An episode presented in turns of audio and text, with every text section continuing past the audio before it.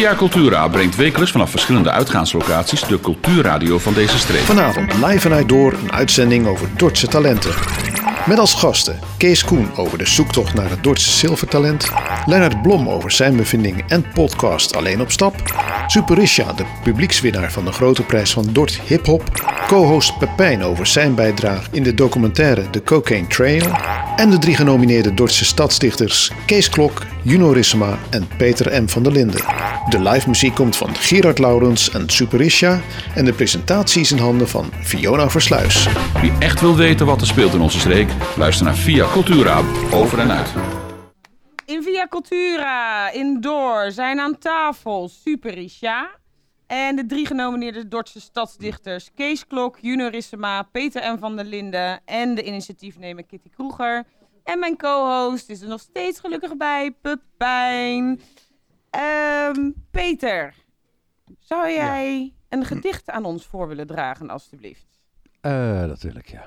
Eh, het heet eh, Het Zoete Afval. Het gaat over de, de Boulevard of Dance.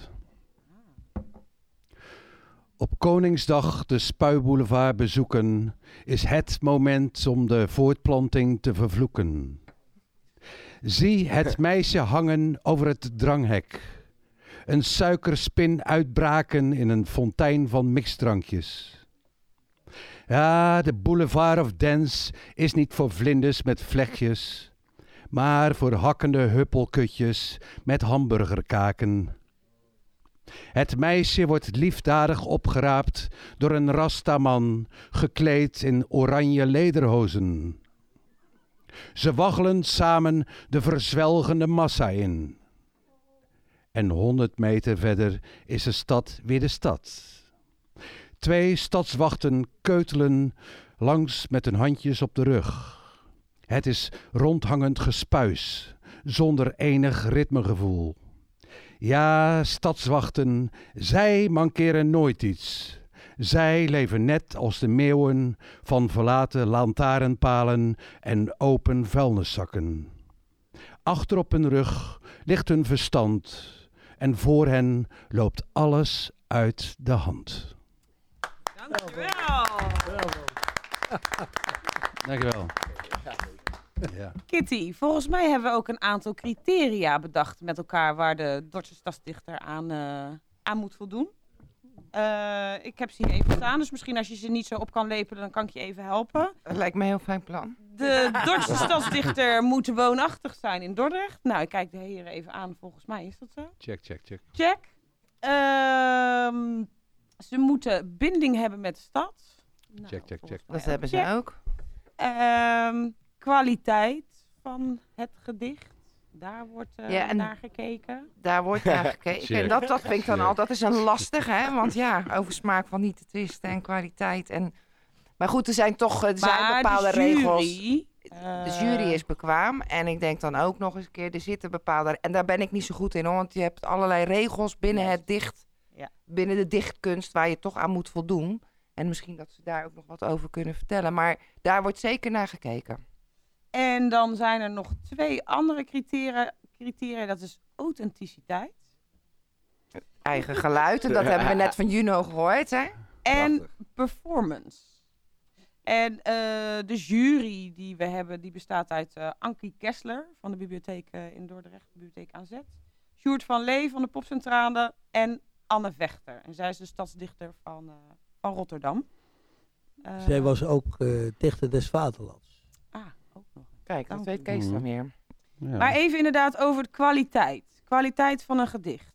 Eh, help ons eens, heren. Waar moet een gedicht minimaal aan voldoen? Hoe...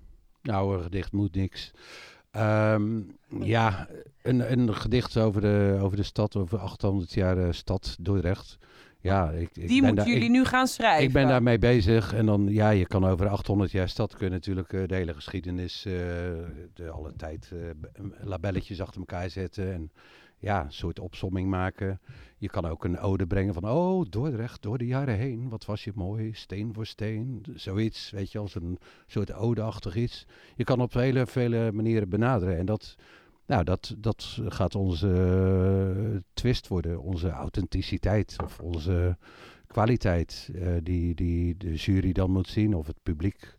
Want je moet het ook nog voordragen. En wij, hebben natuurlijk, wij zijn drie totaal andere mensen natuurlijk. Nou, Juni en ik hebben wat meer. Maar Kees is natuurlijk wel eh, heel anders gaan, weet je Ja, maar Peter, je, Ja. er zijn toch regels wel enigszins voor dichten, Kees? Nou, kwaliteit van een gedicht, ja, dat is, het is natuurlijk een vaag begrip. Het is hetzelfde als wat is kunst. Mhm. Maar ik ben redacteur bij een, eh bij een poëzieredacteur bij een uitgeverij. En wij gaan er wel van uit dat een gedicht moet eh, uitdagend zijn. Dat wil zeggen, het moet, in- moet een tekst zijn waar, eh, waar iets achter schuilt. Hè? Je, je, het is een beetje moeilijk te zeggen, maar sorry. Ik heb geen corona hoor. Ik, ik kuch altijd. Ja, dat Wij, wij, wij schuiven wat op, Kees. We Ja. schuiven wat Ja, zal ik even het metertje pakken? Nee, maar zonder gekheid. Ehm, je moet bij een gedicht tussen de regels door kunnen lezen. Je moet een gedicht eigenlijk, wat Remco Koppert ook wel eens gezegd heeft, de lezer moet een gedicht kunnen interpreteren. Dus jij schrijft een gedicht met een bepaalde opzet, met een bepaald gevoel. Maar je moet het zo suggereren dat de lezer eh, daar zelf ook iets mee kan. Maar zijn eigen, zijn eigen fantasie erbij kan hebben. Dus ik kan een andere ja. beeld daarbij hebben als Peter bijvoorbeeld. Als Ja, hij naar ja dat, het, dat het toch in zekere zin op verschillende manieren het zo uitdagend is dat op verschillende manieren geïnterpreteerd kan worden. Ja, Daarnaast heeft maar het een aantal daarnaast technische- moet het ook niet te, te, te abstract maar- worden natuurlijk. Nee, maar daarna heeft Ja. het een aantal technische dingen. Ja. Precies, die bedoel Het, ik. moet, het moet ritmisch goed lopen. Eh, het, moet, het, moet, eh, het moet een gedicht zijn. Dus dat wil zeggen, het moet op een zo kort mogelijke wijze, op, op zo, met zo weinig mogelijk woorden, zoveel mogelijk uitdrukken. Ja, Maar want het- dat, dat, dat vind ik nou altijd zo knap. Dat van, van stadsdichters of van ehm, ver- ja, hoe ze, eh, st- eh, woordenkunstenaars, worden, wordt het ook wel genoemd. Ik weet niet of dat hetzelfde is, Taalwevers. maar... Wat zeg je? Taalwevers. Ja, precies. Maar dat vind ik zo knap dat, dat je aan het eind ook van, van bijvoorbeeld een, een congres, dat iemand dan gewoon in een kort gedicht of in een kort verhaal precies kan vertellen waar het over ging. En toch ook nog een fantasie erbij kan teweegbrengen, zodat mensen het kunnen gaan interpreteren. Erover na moeten denken. Wat is er nou gezegd? Ja, een, gedicht, eh, een gedicht drukt iets uit in zo weinig mogelijk woorden, want anders, anders wordt het proza.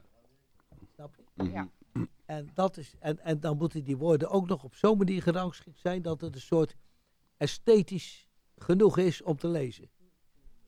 Ja, ik zit nou een beetje vaag te lullen, maar ik bedoel, Ik kijk vaag zeker. nee, maar denk, maar, denk, maar, denk maar aan de schilderij. ja, ja, ja. Je hebt, je, hebt, je hebt een schilderij, wat, ja, zeg je, dat is een leuk plaatje. En je hebt een schilderij waarvan je denkt, dat grijp je aan. Daar, daar stap je Mhm. bij wijze van spreken in.